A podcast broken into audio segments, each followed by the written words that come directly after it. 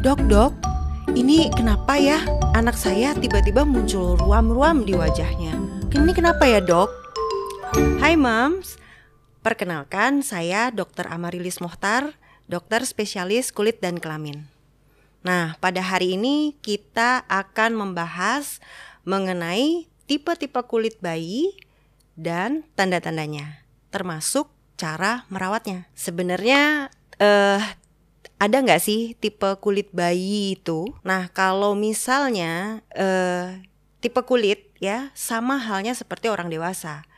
Jadi pada bayi itu juga ada tipe kulit bayi, yaitu tipe kulit bayi yang normal, kemudian tipe kulit bayi yang kering, dan tipe kulit bayi yang atopi. Nah, yang atopi ini bahasa awamnya sering kali kita sebut sebagai uh, kulit yang sensitif. Jadi kulit yang mudah bereaksi. Seperti apa sih yang mudah bereaksi tuh?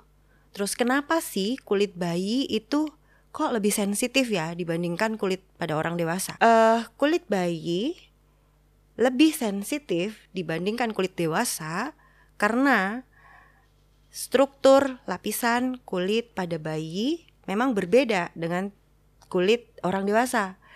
Jadi lapisan kulit yang terluar, kemudian lapisan kulit bayi yang berada di bawahnya itu memang belum terbentuk secara sempurna seperti kulit pada orang dewasa. Sehingga kulit-kulit uh, bayi itu akan lebih rentan ya, istilahnya lebih mudah bereaksi. Jadi lebih gampang terjadi iritasi, kemudian lebih gampang terjadi inflamasi atau proses peradangan, yaitu tadi merah-merah Uh, terus kemudian juga lebih rentan kering karena memang strukturnya berbeda, begitu pula fungsinya. Jadi fungsi kulit pada bayi memang belum sesempurna kulit-kulit uh, dibandingkan dengan kulit-kulit orang dewasa.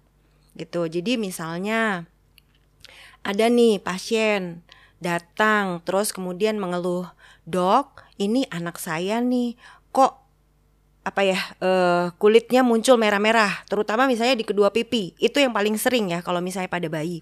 Atau misalnya popok jadi merah-merah di uh, sekitar kemaluan. Nah itu sering datang. Terus kulit yang kering jadi kayak dok bayinya rewel gitu. Jadi bayinya rewel terus suka kayak apa ya bahasa Jawanya tuh usek-usek gitu uh, suka garuk-garuk ataupun dia suka menggosok-gosokkan uh, kulitnya di uh, tempat tidur gitu. Itu. Terus kemudian selain ruam-ruam itu juga uh, kita sering kali menjumpai apa ya istilahnya kulitnya kering, bersisik atau kasar atau nanti uh, ruam-ruamnya tidak terbatas pada muka misalnya, ada di uh, telapak tangan, telapak kaki, kemudian ada yang di apa ya lengan, lengan atas, lengan bawah, ataupun di tungkai. Kita juga harus mengetahui gitu. Jadi uh, kenapa kok sampai anak kita seperti itu? Nah, bagaimana sih cara penanganannya? Bagaimana sih cara merawat tentu moms tidak perlu panik ya. Jadi uh, istilahnya kalau misalnya menemukan bayi yang seperti itu segera konsultasi ke dokter. Tapi untuk mengetahui kulit bayi ini sensitif atau enggak memang agak-agak tricky nih. Bisa ditanyakan memang kepada uh, dokter spesialis kulit dan kelamin. Tapi pada prinsipnya bagaimana sih merawat kulit bayi itu? Nah, cara merawat kulit bayi yang benar ya adalah istilahnya tidak bersifat merangsang. Jadi kita tidak boleh terus yang uh, sebaiknya tidak uh, menggunakan atau uh, merangsang si kulit bayi. Mulai dari mandi misalnya. Mandi kita jangan menggunakan air yang terlalu panas atau air yang terlalu dingin misalnya. Karena apa? Sifatnya dia merangsang kulit. Jadi gunakan air yang suam-suam kuku atau memang hangat gitu. Terus kita tidak boleh merangsang lagi nih bayi. Jadi jangan mandi terlalu lama. Nanti keenakan misalnya ibu, wah si bayi direndam di bak mandi kan biasanya. Setelah disabun, direndam di bak mandi. Nah, itu harus diperhatikan waktunya. Jangan terlalu lama. Biasanya kita menentukan tidak boleh lebih dari 10 menit episode mandi itu. Ya. Itu kita tidak merangsangnya di situ. Terus kemudian setelah mandi, kita juga jangan terus yang uh dengan semangat 45 kita menggosok-gosok tubuh bayi dengan handuk.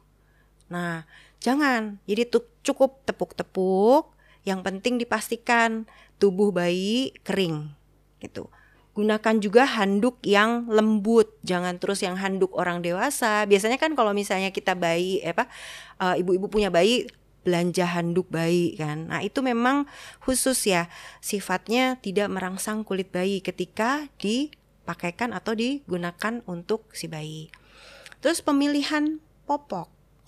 Pilihlah diapers atau popok yang memang uh, cukup ya istilahnya nggak terlalu gede nggak terlalu kekecilan gitu. Terus kemudian bahannya juga. Bahannya harus kita perhatikan. Pilihlah dengan kualitas baik. Jangan terus yang karena harga ya. Jadi terus kita pilih sembarangan gitu. Jadi uh, pilihlah yang memang benar-benar berkualitas itu terus kemudian bahan-bahan untuk baju. Itu juga pilihlah dengan bahan-bahan yang katun atau tidak merangsang. Dan jangan bersifat uh, istilahnya kita mau pakein double-double. Nah, itu juga sebenarnya merangsang kulit bayi gitu. Jadi merangsang mengeluarkan keringat yang berlebih sehingga akan nantinya orang-orang atau bayi-bayi dengan kulit yang sensitif juga akan bereaksi. Nah, kemudian hmm, bahan-bahan apa sih yang sebenarnya harus kita hindari uh, untuk bayi itu gitu. Jadi eh, bahan-bahan yang kita harus waspadai itu bahan-bahan yang mengandung misalnya alkohol tentunya karena dia merangsang kulit bayi. Kemudian bahan-bahan pewangi. Ya, jangan terus yang kita terpaku uh, wangi tapi keras buat bayi atau uh, kulit bayi, terutama kulit bayi yang sensitif ya terus uh, juga bahan-bahan misalnya paraben yang mungkin akan lebih bereaksi terhadap kulit bayi yang sensitif. Kalau kulit bayi yang normal nggak ada masalah, tapi kalau kulit bayi yang sensitif tentunya akan lebih mudah bereaksi. Terus bahan-bahan pitalat seperti itu atau bahan-bahan yang memang mungkin memang harus kita cobakan ya. Kadang-kadang tuh kan kita trial and error ya jadi ibu gitu ya membeli uh, apa namanya produk-produk bayi terus kemudian membeli uh, baju-baju bayi itu kan trial and error. Ya memang harus dicobakan. Uh, tidak semua bayi itu bereaksi sama terhadap suatu bahan gitu. Yang penting kita harus perhatikan hindari bahan-bahan misalnya yang mengandung alkohol pewangi paraben atau pitalat atau bahan-bahan yang mungkin akan uh, bereaksi terhadap kulit bayi tersebut. Kita sekarang akan masuk ya uh, ke segmen menjawab pertanyaan-pertanyaan yang sudah masuk ke sosial medianya Doodle eksklusif. Jadi ini ada pertanyaan, apakah uh, kulit bayi sensitif berlanjut sampai dia besar nanti? Gini, kulit bayi itu kalau misalnya kita sensitif kalau secara uh, dipandang dari segi spesialis kulit ya dari segi ilmu uh, kulit dan kelamin. Kulit sensitif itu untuk bayi lebih kita uh, sebut dengan kulit yang atopi. Jadi kulit yang mudah bereaksi. Nah ini memang atopi itu akan kita bawa sampai dewasa. Jadi kayak misalnya ada pasien nih dia didiagnosis sebagai Anda punya penyakit gula ya. Tentunya kan dibawa terus tuh penyakit gula. Demikian juga atopi. Jadi kulit yang atopi itu akan dibawa sampai besar. Makanya memang harus kita perhatikan benar-benar kalau misalnya memang bayi itu uh, mempunyai atopi atau kulit sensitif, ya kita harus merawatnya dengan baik dan sifatnya maintenance, long lasting. Jadi uh, sampai dewasa nanti. Gitu. Terus kemudian apa benar bayi bisa berjerawat? Apa itu tanda kulit bayi sensitif? Kalau kulit bayi berjerawat, jadi di bidang kulit dan kelamin atau dermatolo dermatovenerologis ya uh, memang ada khusus bayi berjerawat itu ada. Jadi dinamakan akne neonatal. Dia termasuk kelainan fisiologis atau kelainan yang normal terjadi pada bayi. Jadi uh, memang ada bayi yang berjerawat. Tapi kita harus membedakan dong dengan penyakit-penyakit kulit lain. Misalnya hmm, disebut keringat buntet yaitu kita namakan miliaria. Itu kan juga penampakannya seperti jerawat pada bayi atau juga milia. Milia ini juga bisa terjadi pada bayi. Nah, kelainan fisiologis atau kelainan yang normal terdapat pada kulit bayi ini nantinya akan hilang sendiri. Nah, apakah itu termasuk kulit sensitif? Belum tentu. Jadi kulit bayi yang normal juga bisa terdapat kelainan fisiologis atau kelainan yang normal terdapat pada kulit bayi. Pertanyaan berikutnya, pakaian yang cocok untuk kulit sensitif. Pakaian yang cocok untuk bayi kulit sensitif. Setidaknya kita akan memilih bahan-bahan yang memang tidak bersifat merangsang kulit bayi yang sensitif. Contohnya apa? Katun. Itu bisa dipastikan. Atau misalnya kaos pun bahannya katun atau eh, baju-baju yang uh, apa ya sifatnya adem ya dingin di kulit. Misalnya baju-baju Bali apa sih kain-kain Bali itu sifatnya adem. Jangan terus yang uh, kita maunya gaya gitu ya isi ibu tuh maunya gaya terus si bayi dipilihin kayak misalnya baju bahannya rajut. Nah itu akan sangat merangsang kulit bayi terutama kulit bayi yang sensitif karena kalau misalnya bahan rajut, dia bersifat akan uh, menyebabkan gatal pada bayi dengan kulit yang sensitif. Terus uh, wool kayak gitu jangan. Atau misalnya boneka-boneka yang ada di sekitarnya itu juga jangan. Atau terlalu cantik buat ibu. Nih misalnya ada hiasan-hiasan dan lain-lain kayak gitu. Itu juga jangan dikasih misalnya bunga-bunga gede apa-apa. Pokoknya sifatnya jangan merangsang kulit bayi.